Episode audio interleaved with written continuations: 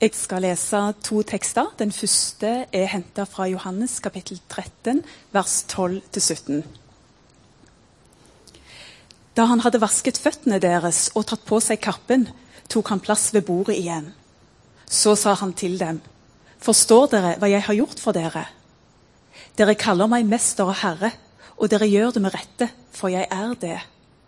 Når jeg, som er Herren og Mesteren, har vasket deres føtter, da skylder også dere å vaske hverandres føtter. Jeg har gitt dere et forbilde. Slik jeg har gjort mot dere, skal også dere gjøre. Sannelig, sannelig, jeg sier dere, tjeneren er ikke større enn Herren sin, og utsendingen er ikke større enn Han som har sendt ham. Nå vet dere dette, og salige er dere, så sant dere også gjør det. Den andre teksten er henta fra Lukas 10, vers 1-12. Siden utpekte Herren 72 andre og sendte dem ut foran seg, to og to, til hver by og hvert sted som han selv skulle besøke. Og han sa til dem, Høsten er stor, men arbeiderne få. Be derfor høstens herre sende ut arbeidere for å høste inn grøden hans. Gå av sted. Jeg sender dere som lam blant ulver. Ta ikke med dere pengepung, ikke veske og ikke sko. Stans ikke på veien for å hilse på folk. Men når dere kommer inn i et hus, skal dere først si, Fred være med dette hjemmet. Og bor det et fredens menneske der, skal freden deres hvile over ham. Hvis ikke skal den vende tilbake til dere selv. Bli boende der i huset, og spis og drikk det de byr dere. For en arbeider er verd sin lønn. Flytt ikke fra hus til hus. Og når dere kommer inn i en by, og de tar imot dere, så spis det de setter fram for dere. Helbred de syke der og si, Guds rike er kommet nær til dere. Men når dere kommer inn i en by der de ikke tar imot dere, så gå ut på gatene og si, selv støvet vi har fått på føttene i byen deres, kan dere beholde, vi børster det av oss. Men det skal dere vite, Guds rike er kommet nær. Jeg sier dere, på dommens dag skal Sodoma slippe lettere enn den byen. Slik lyder Herrens ord. Vi holder på med noe som heter eh, disippelrytmer nå i høst. Temaet knyttet til hånda. Og vi sier at tommelen representerer Guds nærvær i våre liv. Og at eh, han kan hjelpe oss med å få et håndfast trosliv. Der ting henger sammen, og der det kanskje er en god balanse i det vi engasjerer oss i, og det vi er opptatt av. Og så har vi hatt en måned der vi snakket om lillefingeren, som representerer kvalitetstid sammen med Gud i hverdagen. Bønn, samtale, lese i Bibelen og lytte. Men mest av alt bare være et barn hos far og kjenne på Hans nåde og kjærlighet. Og Vi har snakket om at det kanskje er sånn, nesten som motkulturtankegang i dag. At vi skal få lov til å bruke fokus på det. Bare være barn. Uproduktive på et vis nesten spedbarn hos far, og at de trenger å tilbringe regelmessig tid hos han med det som premisser. Og så har vi snakket om ringfingeren, at vi trenger fellesskapet med andre. Og at det også handler om å være i berøring med tommelen, om å komme i kontakt med Gud i våre liv. Vi har snakket om de ulike arenaene som Gud har gitt oss. De ulike flokkene som vi er plassert sammen med, både i samfunnet og i menigheten og at det handler om fellesskap på ulike måter. Og vi har snakket om det å være generasjonsfellesskap som ser til hverandre på tvers av livsfaser. Og så har vi nå kommet til langfingeren, som berører tommelen. Den er av natur den lengste fingeren på hånda. Derav navnet. Det betyr at det er en som de andre fingrene ser opp til i utgangspunktet. Derfor handler også denne fingeren i disippelrytmer om det å være en leder for noen rundt seg. Og da, da, er det kanskje noen som vil tenke ok, så langfingeren den handler ikke så mye om meg.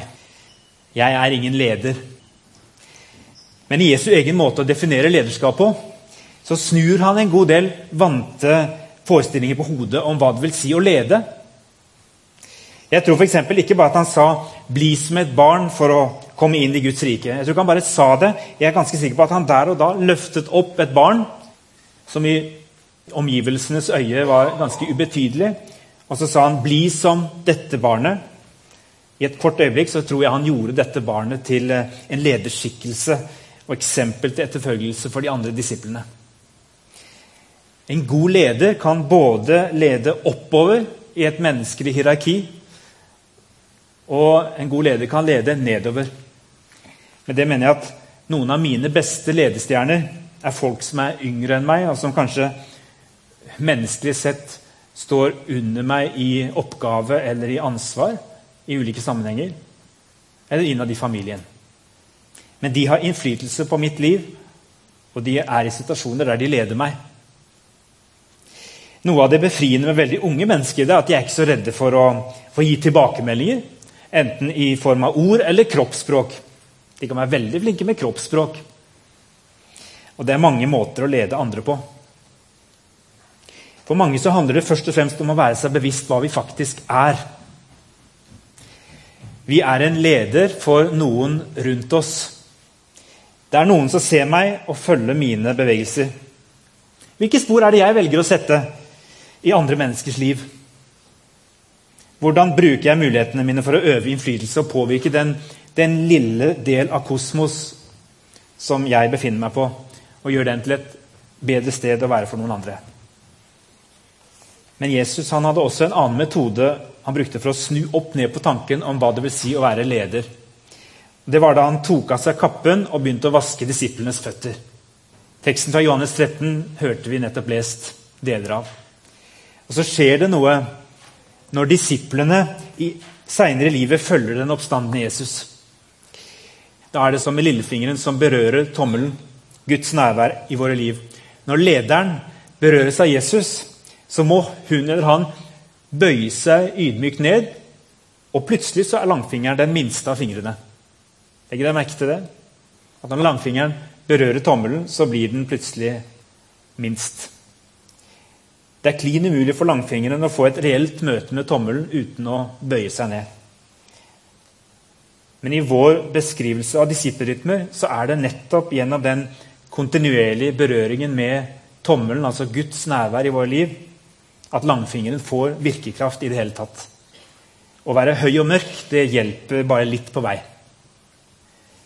I næringslivet i dag har man satt et fint ord på en, på en, slik lederholdning. Og Det er ganske vanlig at de også nå henviser til Jesus, i hvert fall den måten han levde på. Det kalles for tjenende lederskap. Å lede gjennom å tjene andre. Og Derfor er stikkordet som følger langfingeren, sånn som det er beskrevet i denne boka vår, det er ikke ordet ledelse, men det er ordene tjeneste og oppdrag. Sånn har jeg definert langfingeren i denne boka, 'Disippelrytmer'. Langfingeren representerer vårt fokus i tjenesten. Det å lede sitt eget liv og være en sunn leder for andre der Gud har plassert oss. Langfingeren representerer også vår tjeneste for den verdensvide kirke i misjon.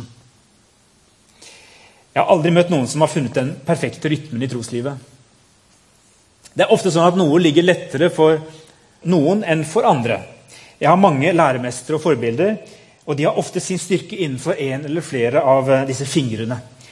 Og så har de i hvert fall i perioder noen utfordringer med helt å, å, å finne ut av en eller flere av de andre.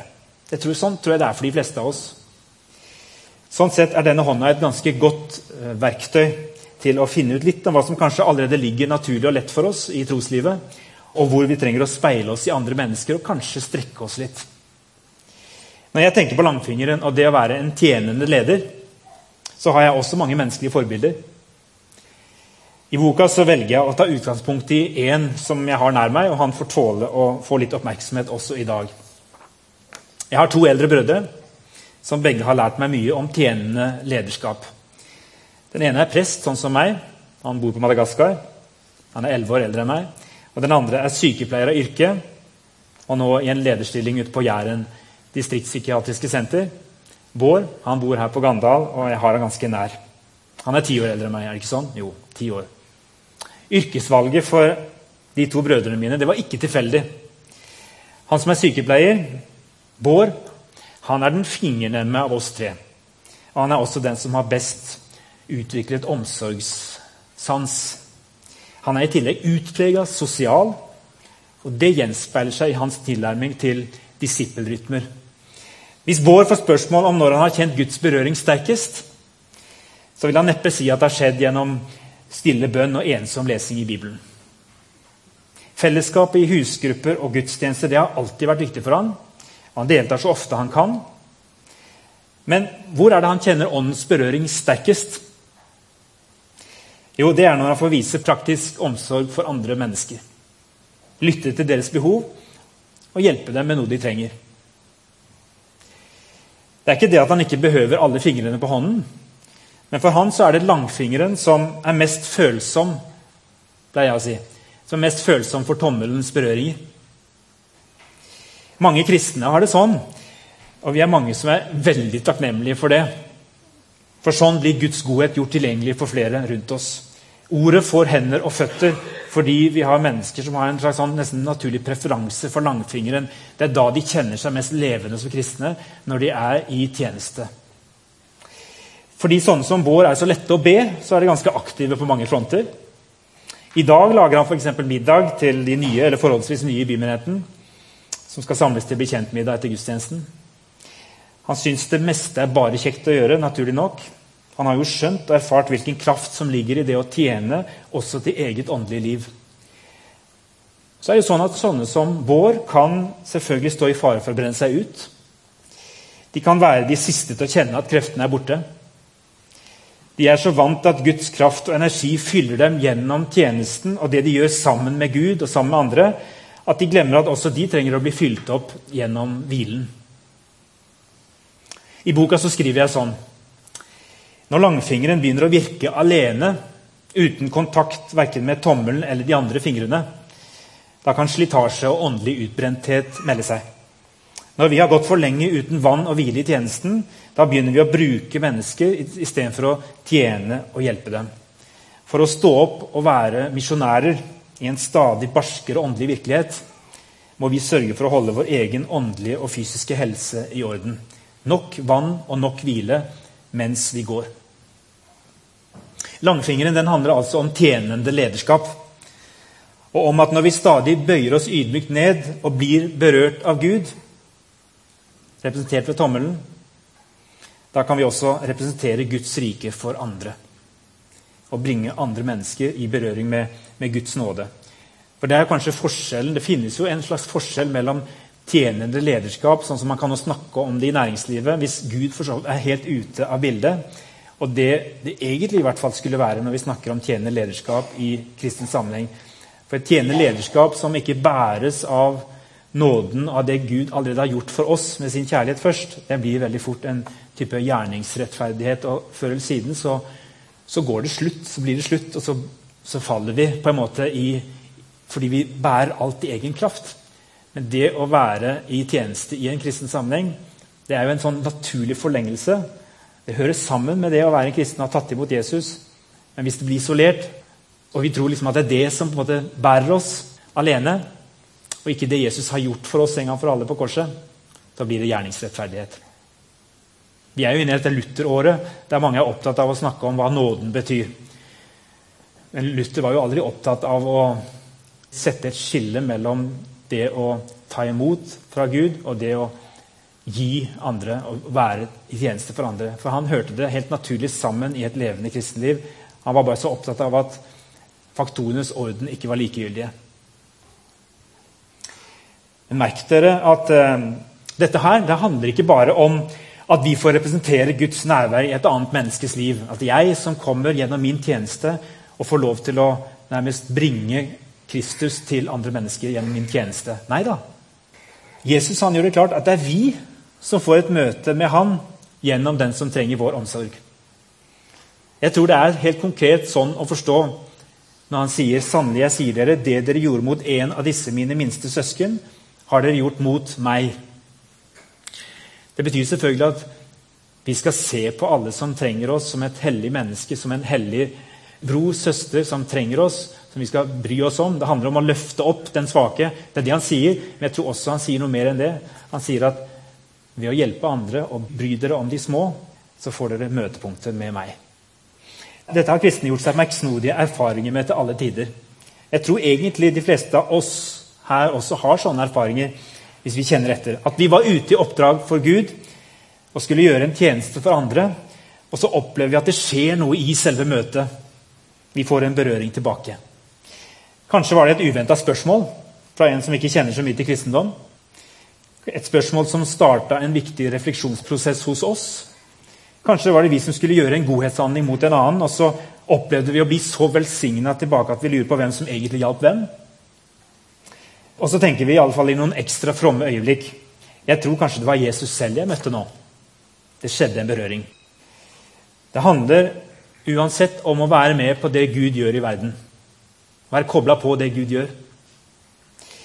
Og Når jeg snakker om at Gud kaller oss alle til tjeneste og oppdrag, snakker jeg da om en tjeneste i menigheten bare? Nei, jeg snakker om en tjeneste for Jesus. Betyr det da at jeg snakker bare om det som skjer ute i hverdagen blant alle slags folk? På jobben, i nabolaget, i klubber og lag? Ja, Er det et enten-eller, eller er det et både-og? Jeg tror det er et både-og. Og Her slår dette inn som handler om både livsfaser og hvilke nådegaver vi er utrusta med. Jeg vet ikke hvordan du kjenner på denne balansen, men innenfor disippelrytmene knytta til langfingeren så finnes det også et slags balansepunkt mellom det å være vendt innover i et uh, kristent fellesskap og det å være vendt utover mot de som enda ikke hører til et kristent fellesskap, som ikke kjenner Jesus. Det å være et samfunnsborger, det å være en del av den større flokken i Norge, i verden. Teksten om Jesus som vasker disiplenes føtter, den illustrerer jo også denne dobbeltheten. Det var disiplenes føtter han valgte å vaske den kvelden i det tette og intime fellesskapet de hadde sammen. Og så sa han når jeg som er Herren og Mesteren, har vasket deres føtter, da skylder også dere å vaske hverandres føtter. De skulle tjene hverandre i fellesskapet. Men det gikk ikke lang tid før det å vaske føtter ble et symbol for de kristnes tjeneste i verden, for syke og trengende, for flyktninger og hjemløse, uavhengig av om de trodde på Jesus og tilhørte kirka eller ikke. Og så skjer det jo noe da med mennesker som får en berøring med Guds rike et eller annet sted i verden. Kanskje gjennom et menneske som har gjort noe for dem eller delt Jesus med dem. De ønsker å bli bedre kjent med Jesus, og de ønsker å vokse i den nye troen. Og Da forstår de at de trenger å være sammen med andre kristne. Og Så kommer de inn i denne syklusen. I hvert fall når vi opplever at det skjer, så er det en sånn naturlig konsekvens at man da også oppsøker flere andre, oppsøker et fellesskap, er sammen med andre. Og Da trengs det tjenester og oppgaver innad i det kristne fellesskapet som tar imot dem. Det trengs noen som kan legge til rette for gudstjenester og åpne sine hjem for cellegrupper. Det trengs noen som kan hjelpe slike inn i tilbedelse og lovsang. Noen som kan undervise voksne og barn. Noen som kan skape en atmosfære av lyd og estetikk som hjelper oss i møte med det hellige. Noen som kan komme med profetiske ord og oppmuntringer. Noen som kan lage bli kjent-middag for nye, og bare for å nevne noen av de tjenestene som man kan ha i en menighet. Menighetsrådet har satt en målsetting om at 90% av alle som har bymenigheten Sandnes som sitt åndelige hjem, de er seg bevisst at de har minst én tjeneste for denne menigheten. Og Da kan en tjeneste være veldig mye forskjellig. som jeg har sagt. For noen vil tjenesten rette seg mer utover enn innover. For noen er det motsatt. Men vi tror det er få steder vi vokser så mye som disipler. For det er det som er målet. Målsettingen når vi snakker om dette i menighetsrådet. Er ikke 90% men det er å gjøre disipler. At vi alle sammen skal ta et steg videre som disipler, som etterfølgere av Jesus. Det er få steder vi vokser så mye som disipler som nettopp når vi får lov til å stå i en tjeneste for andre får lov til å bruke de gaver og talenter som Gud har gitt oss. Og vi vet at det å ha en tjeneste det gir også eierskap og tilhørighet til denne menigheten. Og Derfor så sier vi at det er noe av det viktigste ved å være med i vår menighet. Det er å få lov til å ha en tjeneste. Her ligger det en forpliktelse begge veier. Vi skal være et utrustende fellesskap som hjelper hverandre videre der den enkelte er. Jeg tror ikke alltid vi er så flinke til å oppmuntre hverandre. Vi kunne bli mye bedre til å bygge en kultur der vi heier på hverandre og sier skulle, skulle du forsøke å ta et nytt skritt? Er det noe du nå skal ta del i på en ny måte? Eller så flott det du allerede gjør. Jeg ser det. Jeg ser hva du bidrar med. Det betyr så mye for meg at du gjør akkurat det. Underveis så trenger vi regelmessig å stille oss to viktige spørsmål. Hvem er jeg sendt til? Hvem er jeg sendt sammen med? Noen av dere har hørt de spørsmålene mange ganger før. For noen er det kanskje første gang, og de er fortsatt like viktige. Disse to misjonale spørsmålene. Hvem er jeg sendt til? Hvem er jeg sendt sammen med? Med regelmessig mellomrom så tror jeg vi trenger å gjøre opp status der vi er i livet. Kanskje oppsøke en god samtalepartner som vi kan reflektere sammen med. Hvem er det jeg er sendt til nå for tiden? Hvem er det Gud på en særlig måte har gitt meg å ha fokus på?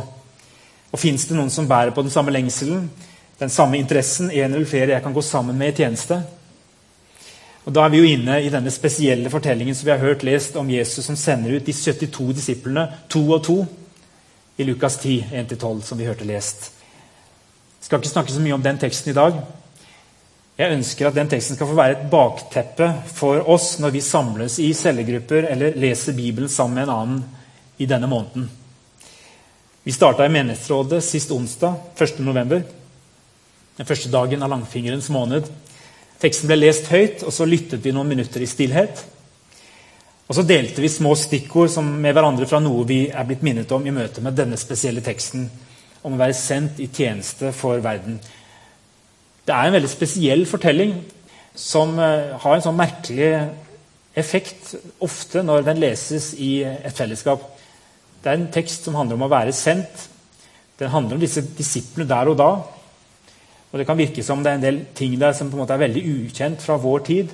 Men når en går inn i den og dveler ved dette ordet, så har den en, en enorm kraft, den enkle teksten, til å minne oss om veldig mange forskjellige ting som passer veldig godt inn i 2017 i Norge, i det livet vi lever her.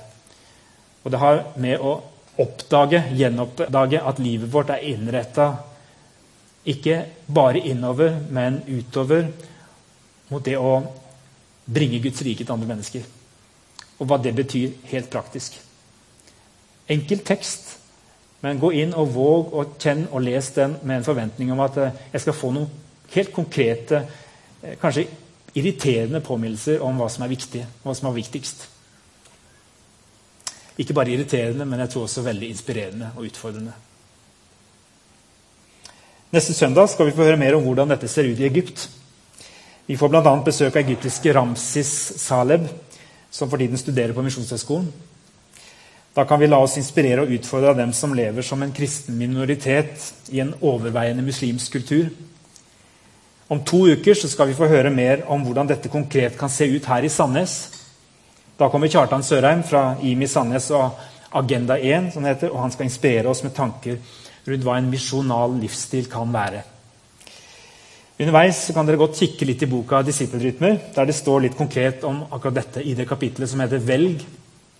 Velsign, et, som de sier på Sunnmøre. Lær å gå. Senere denne måneden starter også Agenda 1 Sandnes. Det er et toårig læringsfellesskap for lederteam fra ti Sandnes-menigheter. Og Initiativtakerne til læringsfellesskapet det er Bymenigheten, det er Familiekirken, Sandnes frikirke og IMI Sandnes. Vi tror det kan bety mye både for enhet og misjon i byen vår.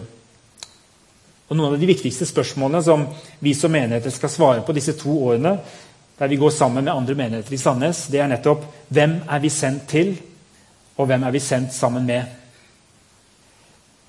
Jeg kjenner at jeg har store forventninger til langfingerens måned nå i november. Jeg håper at den selvfølgelig bare er begynnelsen på at vi tar det videre sammen. Og på veien tar vi med oss langfingerens bønn. Hellige Ånd, her går vi med våre gaver med vår tjeneste, med oppdraget du har gitt oss. Berør oss i dag, så vi går i dine ferdiglagte gjerninger. Kom til oss i disse dine minste. Og la ditt rike komme på jorden som i himmelen. Amen.